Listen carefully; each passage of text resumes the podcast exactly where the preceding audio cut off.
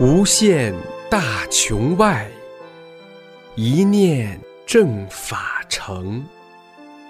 师尊慈悲愿，万物沐春风。请听明慧专题《一师恩》。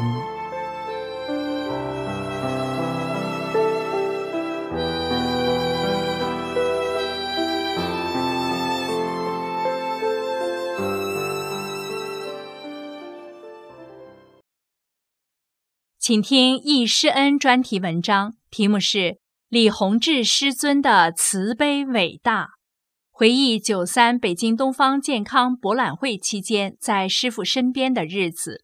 作者贵州大法弟子。文章发表于明慧网，二零零九年十月二十七日。我是一九九三年开始修炼法轮功的贵州大法弟子，在得法不久时。有幸在九三年北京东方健康博览会期间再次见到李洪志师傅，并在师尊身边度过了一段美好的日子。这段日子虽然只有短短的几天，但我却终身难忘。时至今日，虽然过去了十六年，当时的情景依然历历在目，仿佛发生在昨天。今天把这段经历写出来，与同修分享。希望大家更加珍惜我们这万古难遇的机缘，能遇上慈悲伟大的师尊，能有机会修炼这万古难得的法轮大法。一走入大法修炼。一九九三年，我有幸参加师傅办的法轮功十天学习班，从此走入了法轮大法的修炼。在修炼中，亲身感受到了法轮大法的神奇与李洪志师傅的高尚慈悲，同时感到师傅又是那么平易近人。在学习班结束，师傅离开后，脑海里常常浮现师傅慈祥的面容，耳边常常响起师傅亲切的话语，心里真想再次见到师傅。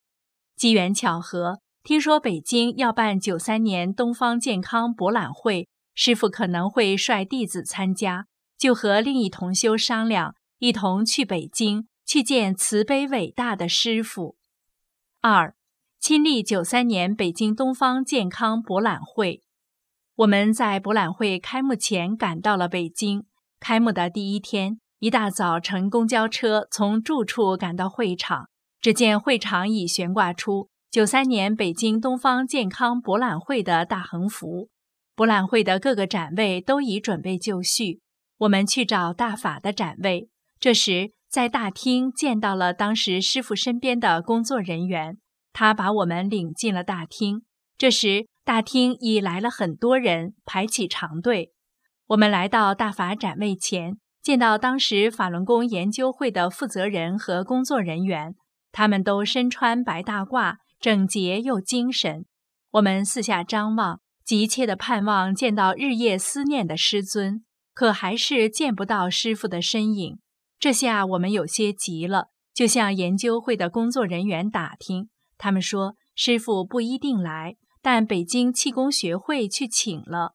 听到这话，我们心里好生失望。可是不久，却见到师傅行走在大厅的背影。我们高兴得像孩子见到久别的父母般的，又跳又叫：“师傅，师傅，师傅！”听到我们的喊声，师傅转过身来看到了我们，高兴地笑着朝我们走过来，慈父般的握着我们的手。那一刻，一股暖流流遍我的全身，幸福激动的泪水盈满了眼眶。在简短的交谈后。师傅安排身边的工作人员负责我们这几天的食宿。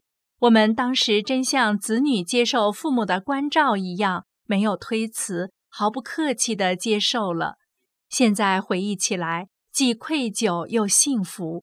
愧疚的是，师傅在百忙中还亲自过问我们的食住行；幸福的是，能亲身感受师尊慈父般的关怀。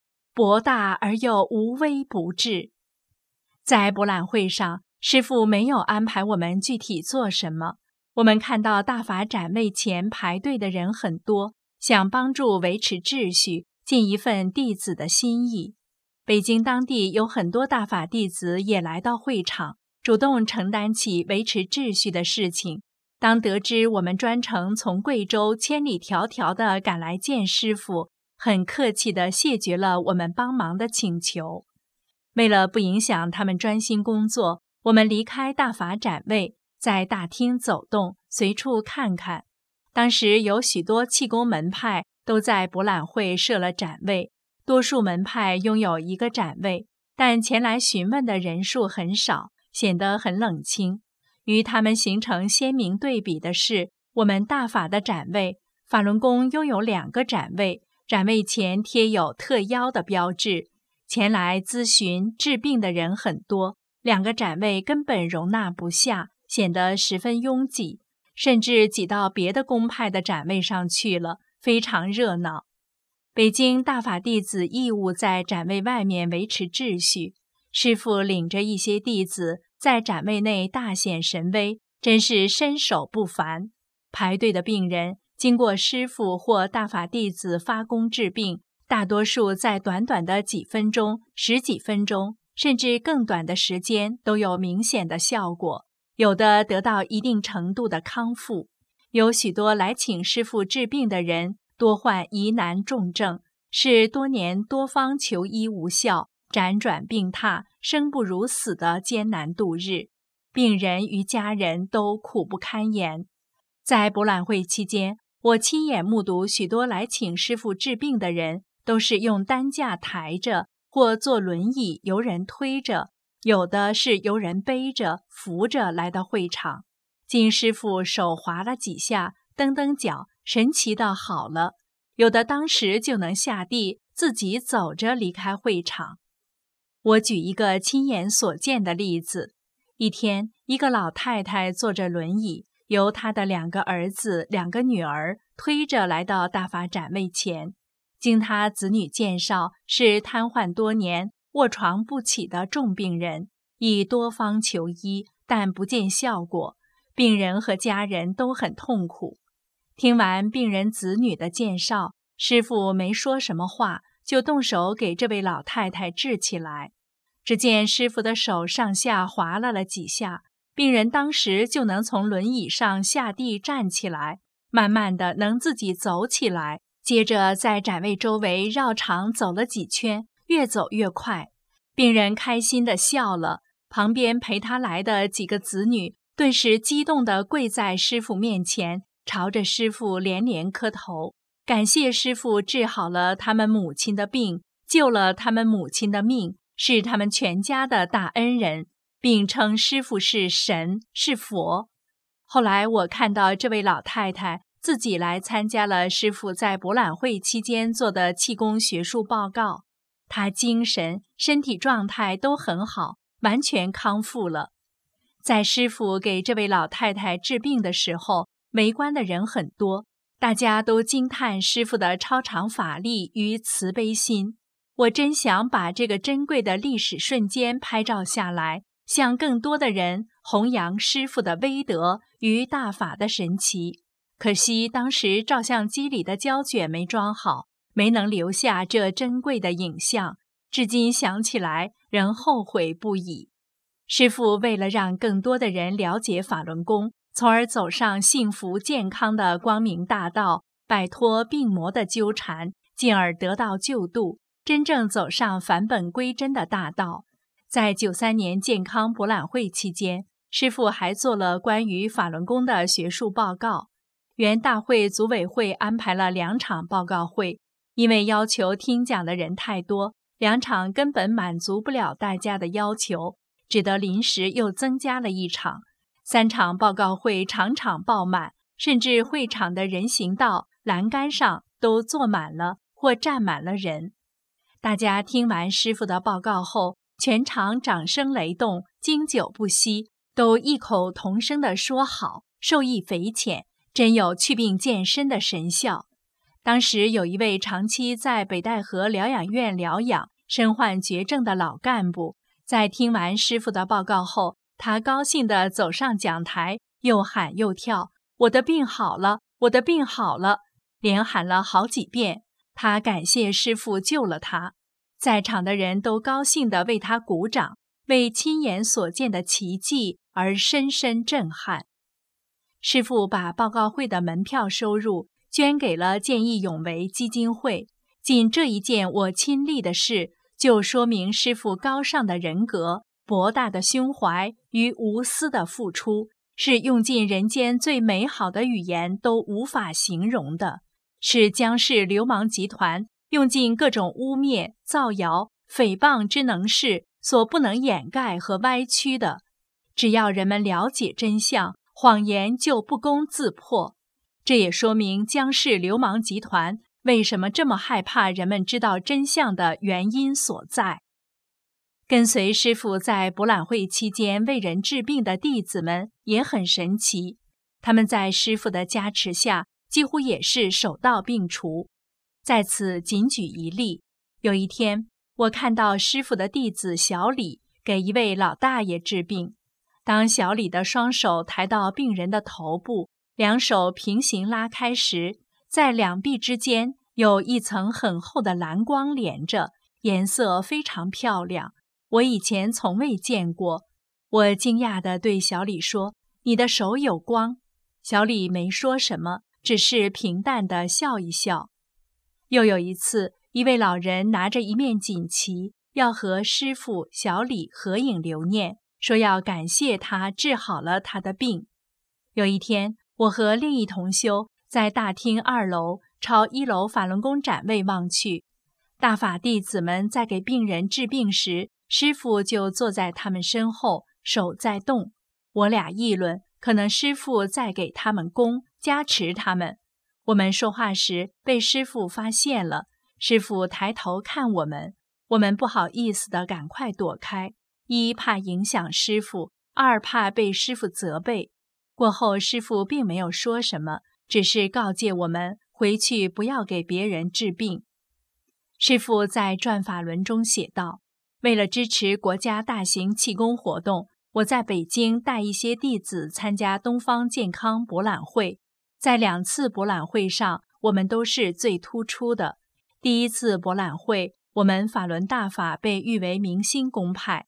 第二次博览会，人多的简直没办法，别的展位上没有多少人，而我们展位周围挤得满满的，排三行队。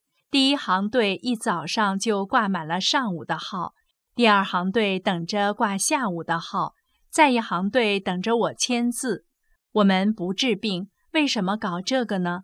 因为这是支持国家大型的气功活动，为这个事业做贡献，所以我们参加了。师傅说的千真万确。后来江氏流氓集团为迫害法轮功，污蔑攻击师傅，不让弟子吃药看病，死了一千四百人，简直是颠倒黑白、混淆是非，睁着眼睛说瞎话。当时，电视、报纸、电台、杂志及可动用的一切宣传媒体，连篇累牍地攻击师傅，栽赃陷害法轮功，把上亿的大法弟子推向政府的对立面，用集古今中外最残酷的手段：名誉上搞臭，经济上截断，肉体上消灭，妄图一举消灭法轮功。可是乌云遮不住太阳。正义终将战胜邪恶。经过了十年多的残酷镇压，法轮功不但没有被消灭，反而红传到世界一百一十四个国家和地区，受到各国政府和人民的欢迎。迄今为止，师父和大法已获得各国政府褒奖、支持议案信函三千多项，法轮功书籍被译成三十多种语言，在全世界出版发行。并可从网上免费下载。二零零九年九月二十六日晚，师傅获得了亚太人权基金会颁发的今年的人权领袖奖的特殊奖项——杰出精神领袖奖。大陆的大法弟子们也在坚信师傅、坚信大法的信念中，走过了这十年的黑暗岁月，从而锤炼得更加坚定和成熟。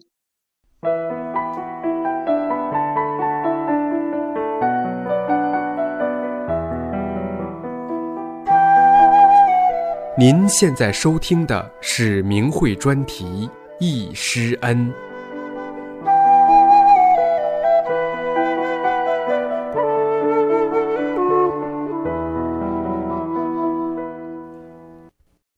三师傅的高风亮节，慈悲伟大，永记于心。师傅慈悲待人，生活简朴，受到了越来越多的人尊敬和爱戴。我俩在博览会大厅走动时，碰见了北京气功学会的一个主任。他对我们说：“你们李老师是个不错的、挺好的人，他为人正派，法轮功是个好功法。我们气功学会向社会各界推荐的就是法轮功。”师傅对弟子的关怀更是无微不至，令人敏感五内。在整个博览会期间，每天中午吃饭时，师傅同弟子一样吃盒饭，和我们一起在大厅二楼找个空点的地方坐下来，很快把饭吃了。吃饭时，师傅总像慈父一样对待自己的弟子。师傅常从自己的饭盒中夹菜给我和另一同修。有水果也总是记着给我们一人一个。吃完饭后，师傅抽空询问了我们地方大法的工作情况，话语间充满了关切，也给我们指明了方向。在会议期间，参与博览会工作的大法弟子以及北京当地的大法弟子，他们都很辛苦，没有固定时间吃饭，只有轮流吃。有的在那里买饭，有的就从家里带。大家都知道师傅很忙，没有特殊情况都不来打扰师傅。因为我和另一同修是从外地去的，得到了师傅的特别关照。气功学会有一位老太太，常常跟着师傅，替师傅端茶杯。和我一路来的同修看见，想去接过来，他却不肯，而且对我们的态度不太友好。这位同修感觉有点委屈，就对师傅说。这人好凶啊！师傅笑笑没说什么。过后，师傅却当着他的面指着我们对他说：“他们都是远道而来，是我的客人。”之后，此人对我们的态度也改变了。有一天，我们同师傅在大厅二楼，当时我站在师傅背后，师傅站着，好像看见了什么，没说什么话。突然，我看见像闪电、火花一样，啪的响了一下。因为我的天幕没开，看不见什么，却也不敢问师傅。现在回想起来，就像师傅在转法轮提到的那个坏东西，因干坏事被师傅彻底销毁了。有一天中午吃饭时，和我一路的同修发现胸前佩戴的法轮章突然不见了，很着急的到处去找。可怎么也找不到，惋惜失落的表情溢于言表。师傅看见他着急的样子，就笑着说：“算了吧，他去了就让他去吧。”又叫身边工作人员拿来两枚法轮章，亲手送给这位同修和我，一人一枚。我们高兴极了，心中感激师傅对弟子慈父般的关怀。说来也奇，就在我们离京返回的前一天。中午吃饭时，这位同修突然看到丢失的法轮章又在那里显现出来了，他高兴地喊着“法轮章”，跑过去拾了起来。我们谈论起这件事，都觉得很神奇。法轮章那么小，又丢失了几天了，每天人来人往，而且工作人员还经常打扫卫生，居然都没有发现或被扫走。后来，随着修炼时间的增长，听到、接触到大法神奇的事数不胜数，这点小事就不足为奇了。有一天下午，我俩在一楼时，突然从楼上丢下一个纸团。我们抬起头望上去，看到师傅在楼上向我们招手。我们赶紧跑上楼去，师傅就像慈父般领着我俩，一左一右。在整个会场二楼各处绕了一圈，不时地给我们讲解气功的正邪之分，教我们如何区分。走到邪的地方，那个摊位的几个人不讲心性，开口就朝我们骂上了。师傅只是微笑，也没有与他们计较。当时我还不太了解师傅，把师傅也当做了一般的气功师，还劝师傅别生气，不要理他们。现在回忆起来，羞愧的不行。人怎么能理解大觉者的博大胸怀呢？即使修炼到今天，我也不能真正理解师傅的境界中的心态，永远也不可能知道师傅所在境界啊。通过我的亲身经历，我想告诉同修的是：我们要永远敬师敬法，千万不可生出对师对法不敬之心啊！当我们走到一个别门气功的摊位前，我身体感觉很不舒服，头晕。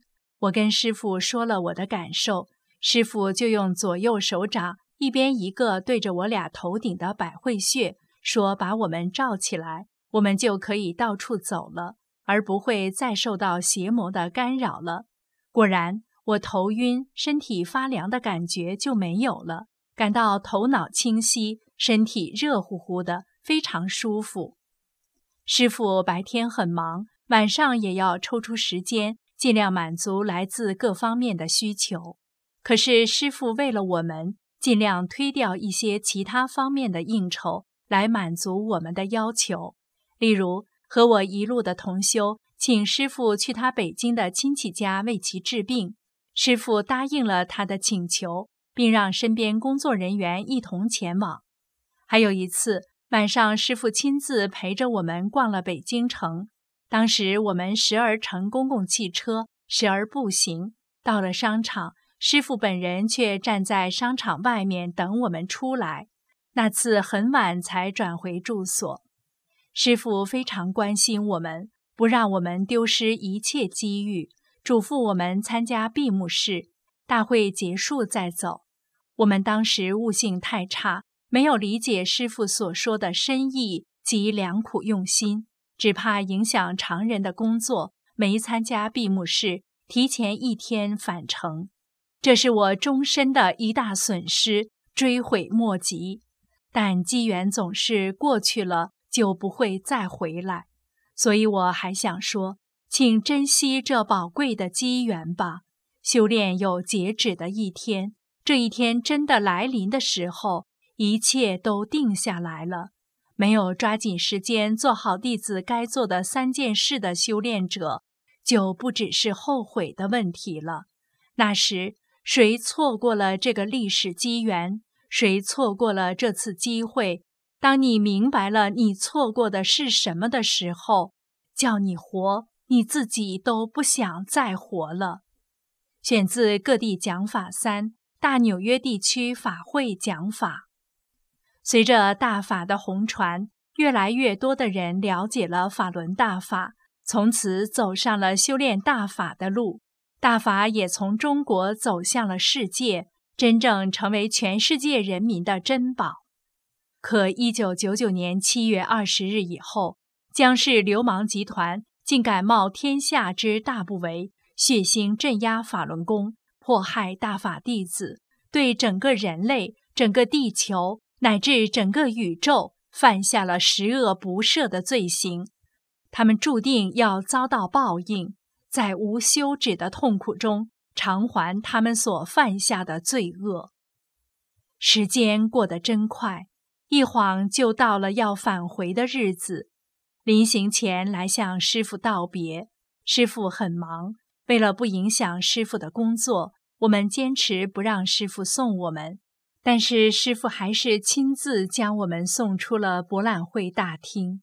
临别时，师傅握着我们的手，使我们感受到师傅深深的关切与重托。我们激动的心情再也抑制不住了，眼泪夺眶而出。回想九三年在北京师傅身边的日子，使我有幸亲身感受师傅的慈悲伟大。进一步坚定了我对师父、对大法的信念。也正因为这些经历，使我不受邪恶谎言的欺骗，坚定地走过了这血雨腥风的十年。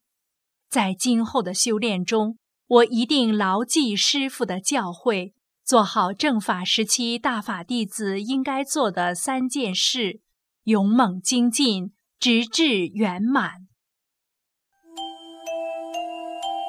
您现在收听的是明慧广播电台。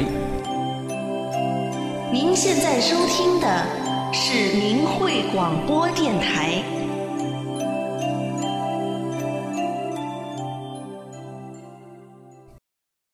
请听明慧忆师恩专题文章，题目是《感念师尊洪恩，生命永远的回忆》，作者大陆大法弟子。文章发表于明慧网，二零零八年七月二十九日。一直想记载下生命中四次亲见师尊的荣耀。修炼中已经风风雨雨走过了十四年，因为有过坎坷，有过很大的痛苦和磨难，有过自己做的不好的地方，所以一直没有写，总怕自己配不上师尊的洪恩。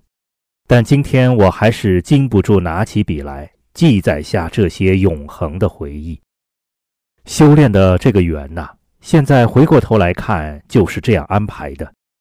一九九二年五月十三日，师傅在长春开始传法，我于一九九三年被保送上大学，来到了长春这个地方。一九九四年五月，在校园里接触到法轮功，那时师傅正在大连办班。就是我们现在看到的大连讲法光碟。我在练功点上看他们练功时，一阵微风吹来，挂在树上的法轮旗就徐徐地冲我转过来，天上还出现了彩虹。我平时总想，我来在世上是要寻找东西的。小小年纪学了几种气功，总想找个师傅，还很有意思的，从小到大，在本子上总写两句话。总觉得有一只悲天怜人的眼睛在看着我，并画一只眼睛，和历史会告诉人们一切。所以当时我站在那里就想，这会不会就是我来人世间要找的？其实我是关着修的，到现在天目什么也看不见。第一次亲见师尊，大学一年级暑假，一九九四年八月。我孤身一人去哈尔滨参加了师傅的传法班。说起来简单，人得法就是在表面这一层都是很不容易的。那个暑假，我被学校挑选参加一个全国性活动，表面看绝对不可以离开，而且因学校放假，我已联系不到校园练功点的人，无法确定给没给我买听课票、车票、住处也没有办法定。我想办法电话联系上总站一个工作人员，对方问我：“你有病吗？”我说：“没有。”你为什么学？我说：“我想学。”最后他答复我：“据他所知，票已卖完，现在买不到了。”当时我觉得怎么这么冷淡呢？学别的气功可不这样。现在当然知道，就是这样表现来干扰的。我在面临一切都是未知的情况下，进行了生命中最重要的选择，向学校请假去听法，保证回来不耽误活动。当时我想，也许这就是我来世上要找的，所以下定决心一定要去，而且也坚信，只要我去，没有票我也肯定能听到，我也一定必须要听到。如果这就是我来世上的目的。绝对不能错过。来到哈尔滨，下了火车就是柳暗花明又一村。我一眼就看到我们练功点的人来接站，他们告诉我什么都安排好了，票也有。就这样，我终于开始踏上了回家的航程。有同修写过的哈尔滨班的回忆，我就不写了。哈尔滨从师傅传法开始，接连下了很大的雷雨，都是魔在干扰。师傅在清理，天气非常阴冷，不像盛夏。记忆中好像雷雨大到出现了雷劈树等现象。我们在听课中也出现了杂声干扰，哈尔滨班的干扰很大。后来师傅说道：“我说四千多人坐在这里，有多少人能修出来？将来有多少人得到？我说我还不乐观。见法轮大法一解。”为长春法轮大法辅导员解法。这些事都让我感到了修炼的严肃性，也想到了作为一个学员，师傅的巨大付出，不要让师傅难过。在哈尔滨办的班，长春去了五百多人，都住在哈尔滨船舶工程学院。每天大家练功、学法交流、听师傅讲课，那真是一段生命中最幸福的时光。第二次亲见师尊。一九九四年年末，师傅结束广州班后，到大连办了一个报告会。那时我已开始期末考试，从大连听完课，坐夜车赶回长春刚刚好。但如果火车晚点，就会耽误。同学都不让我去，就像参加上一个讲法班一样。我下定决心去。其实修炼的路上，确实就是选择。你选择了大法，什么也不会耽误。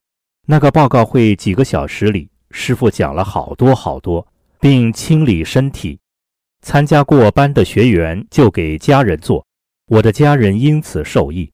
师傅在结束时绕场一周，并转动大法轮，神圣壮观的场面永远留在我的记忆里。回来的考试一点都没有耽误，正正好好。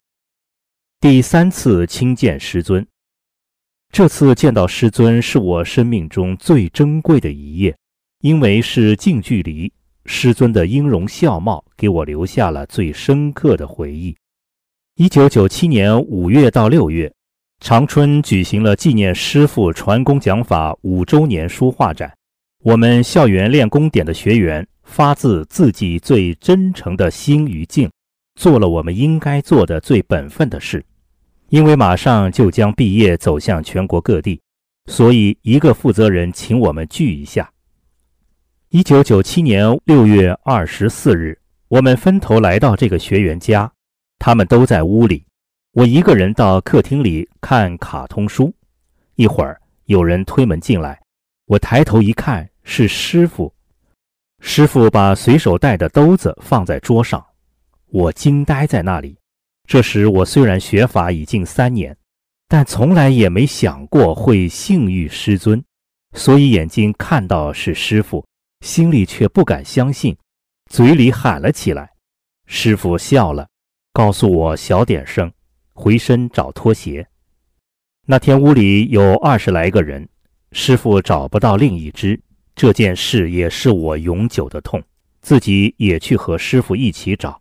不知道把自己穿的鞋敬给师傅，这其实不是个小事。旧宇宙生命的丝是那么根深蒂固、细微入骨，而师傅对带着这么多不好本性的生命，以慈父对孩子般的宽容与慈悲在救度。当时没有人知道师傅会来，那时师傅已经开始了大法在海外的红传。我们看了师傅在海外传法的照片。以为师傅还在海外，其实师傅刚刚回来，没人知道。师傅和几个工作人员谈话，我们规规整整在另一个房间地板上坐好，等在那里。有的学员已泪流满面。师傅走过来，高大魁梧的身躯坐在床边，给我们讲了一个多小时的法。师傅知道我们即将走向全国各地，说我们是大法的种子。那天很多是新学员，对慈父提了一些很幼稚的问题，师傅都给予最关心、宽厚的解答。我坐在最前边，离师傅最近处。师傅的穿着是那样的朴素简单，却又慈悲威严，很普通的白衬衫与长裤。我低头看见师傅穿了一双尼龙丝袜子，这种袜子很结实耐用。但也过时，当时穿的人也不多。师傅的袜子不新，但很整洁。因为当时的自己已知见师傅一面太难得可贵，所以我坐在那里看不够的看，一分一秒都不想错过。讲完法后，师傅与我们二十几个人合影留念，很有意思。那天我们去的毕业生里是我照毕业照的日子，因为各系安排不同。我常人中的毕业照没照，神圣的机缘与恩师留下了我更珍贵的毕业照。我们都是为了大法而来，在这个世上的。是啊，我为了得法，以上大学的形式来到这里。大学毕业照这天，我和恩师照了我最珍贵的毕业照，一切都如此的明晰。师傅要走了，我们都站在那里送师傅。我就像一个孩子，就要离开总不常见的父亲，心里又难过又不舍。那个时候是个人修炼阶段，哪会想到仅仅两年之后会发生了在宇宙中都是惊心动魄的巨大磨难？而我们是正法时期的大法弟子，肩负着救度众生、注视正法的神圣使命。当时的自己心里想的就是个人修炼的圆满。我站在师傅身前，仰着头对即将离别的师傅说：“很难得见师傅一面，我向师傅发愿，一定要修成圆满。”师傅当时对发自内心的最真的愿望的我是那么的慈悲，笑着说：“我相信你，也相信你们大家。”记忆中的原话，不要说以前在天上的宏愿。真修的大法弟子在这一世中，可能在内心深处都这样想过，也曾对师傅说过，就是这一世的誓约和师傅的信任与期待，我们也一定不要愧对啊。第四次亲见师尊，一九九八年七月二十六日，师傅为长春辅导员解法，又一次见到了师傅。师傅为了让大家看得清。把椅子垫高，坐得很不舒服。中间休息时，很多学员留恋地围在师傅身旁。师傅一直解答学员的问题，连一口水都没喝，就又开始讲法。那天结束时，师傅说：“希望大家再勇猛精进。”转眼已是过去了十年，这时间真的太快了，已经有十年没有再见恩师。在被邪恶绑架的时候，身处在黑窝中、反迫害中，那时就更加想念师尊。想起师父，我会流泪，内心平稳得更加坚定。我能有缘得遇无比慈悲伟大的师父，赐予我无比神圣庄严的大法，在宇宙正法时期能做师父的弟子，这份幸福荣耀。在宇宙的开天辟地，从未有过。我们都是最幸运、最幸福、最被羡慕的生命。走过了九年的风风雨雨，我们实践着伟大的史前大愿，创造着有史以来最大的辉煌。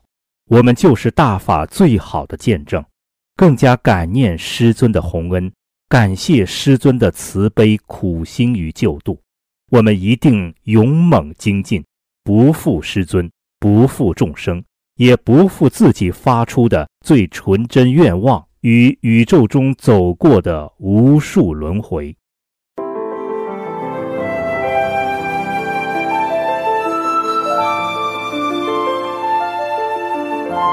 您现在收听的是明慧专题《忆师恩》。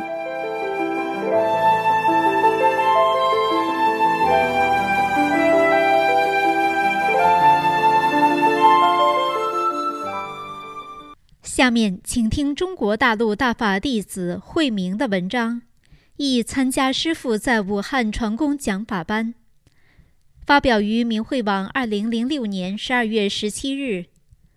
陆续看到同修们回忆当年亲见师父时一幕幕感人情景，泪水总是止不住地洒满胸前，真是感慨万千。我是一九九三年喜得大法。在这之前，我是一名佛教居士。一九八三年后，在我人生中最坎坷的时期，观音菩萨多次梦中点化我，走进了佛门。从那以后，除了尽责任养活儿女们之外，人世间的一切我一无所求，只求佛渡我脱离苦海。无论人世间多苦，生活多么艰难，都坚定真正实修诵经坐禅，从不放松。有一次，在梦中看见弥勒背了一部袋经书，笑眯眯放到我的客厅，示意是给我的，要好好修。后来又常在定中点悟。现在回想起来，那时虽然是在佛教中修炼，其实是师傅在细心安排。那些年，我常在外地，无论我走到哪儿，首先想到的事就是访名师、寻道友。有一次路过外省的一个山区，山顶有座大寺庙，下边有个小庙，住着一个修道人。他说：“我已拜了两个师傅，都是不错的。不过你还要拜个师傅。这个师傅是世上最大的一位，不久就会相遇。时隔不久，我做了个梦，梦中看见观音菩萨站在右边，左边站着一位身材高大、一脸慈祥庄重的年轻人。观音菩萨手指着我，对着那个年轻人说：‘我送个弟子给你。’这时，他祥和慈悲、面带微笑地看着我，回答说：“好。”我看他满面笑容，感到好亲切，于是就恭恭敬敬顶了个礼。我亲眼见到师傅，那是在九三年的一个金秋季节。听人说，有位气功大师在武汉办班，据说很有名气。我听了，二话没说，立即启程。我想，只要有缘，定能找到。第二天赶到武汉，但不知办班地址，我就大街小巷询问。后来在归元寺里，一位居士告诉我说在武冈。等我赶到剧院门前，天色近晚，看见人们成群地走进课堂。我问到了报名处，取了门票，六点三十开课。一看时间，来不及找吃找住，就随同人群走进课堂。我晚到两天，课堂座位已满。足有两三千人，没有一点嘈杂声，大家静静地等待着。我刚坐定，顿时全场响起雷鸣般的掌声。我定神一看，瞬间想起站在台上，身材高大、魁梧、庄严，满面慈祥，微笑，单手立掌向大家致意的，不正是当年在梦中收我为弟子的师傅吗？是的，是的，今天我亲自见到了。我太激动了，顿时一股热流通透全身，我感到太神奇了，瞬间忘了旅途的疲劳与饥渴。我明白了法难得，山南海北苦苦追寻的名师，我终于找到了。是缘分，是师恩浩荡，佛恩指引着我走上真正修炼的归途。一节课下来，大家久久不愿离去，学员们都站在课堂外的广场上。好大的一个广场都站满了，我琢磨着这么晚为什么都不走呢？因为我是第一天来，还没有找到住处。本来我是想走的，可是这种场合我没见过。我知道学员们是在等老师出来再见见，我也不舍得离开，就不知不觉地来到广场左边停车的地方，站在一辆黑色小轿车门边。刚站好，就看见人群在走动。因为我站得比较远，人又多，前面就看不清。人群走到我面前，我才反应过来，才看清是师傅站在我面前。我赶快让开，师傅好上车。工作人员和司机都上了车，可师傅还是站在我面前，笑眯眯地看着我，像慈父看见久别重逢的儿女们从远方归来那样，无比亲切感人。我和师傅近在咫尺。面对面的仰视恩师，倍感温暖。我感动得不知说什么好，只是含着幸福的泪水，亲切地问候一句：“师傅好。”师傅回答说：“好，好，好。”手在兜里，上衣、衬衣、裤口袋掏了个遍。我们都看着，不知师傅掏什么。在掏时，我仰视师傅，比所有的人都高，一头乌发。眼睛炯炯有神，和蔼慈祥，平易近人，呀，真是活佛。这时，车上的工作人员请师傅上车。师傅转过面，问车里人：“有谁带了我的名片吗？”当时车上的人都在掏。这时我才发现车里已坐满了，只有司机旁边一个座位等着师傅的。车上有人说：“我这有一张。”师傅说：“快拿来。”我回去还给你，师傅把名片亲手递给我。当时我无法用语言表达对师傅的感激和敬仰，我含泪双手合十，恭恭敬敬接过名片。师傅这才转身上车，到车上还问我们挥手告别，我目送车子离去，心情久久不能平静。学员们也很羡慕，把名片传来传去看不够，我们都沉浸在无比幸福喜悦之中。在学习班上，师傅和学员们在一起随和自然。有一次，师傅在讲台上教学员们抱轮，在抱轮时，师傅说：“轮要抱大点。”听那声音就在我耳边，我睁眼一看，是师傅站在我身边教我呢。在学习班里这段经历，我难以忘怀。正如师尊所说，我觉得能够直接听到我传功讲法的人，我说真是，将来你会知道，你会觉得这段时间是非常可喜的。选自《转法轮》。八天的班很快就结束了，我双手合十，恭恭敬敬地向师傅深深拜了一拜，以表我对师傅的敬仰和感激之心。每当我想到此情此景，总是撑不住泪流满面。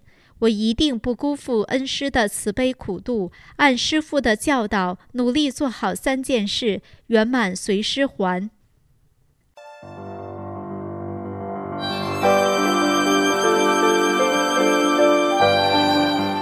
这一期的易师恩就到这里，谢谢收听。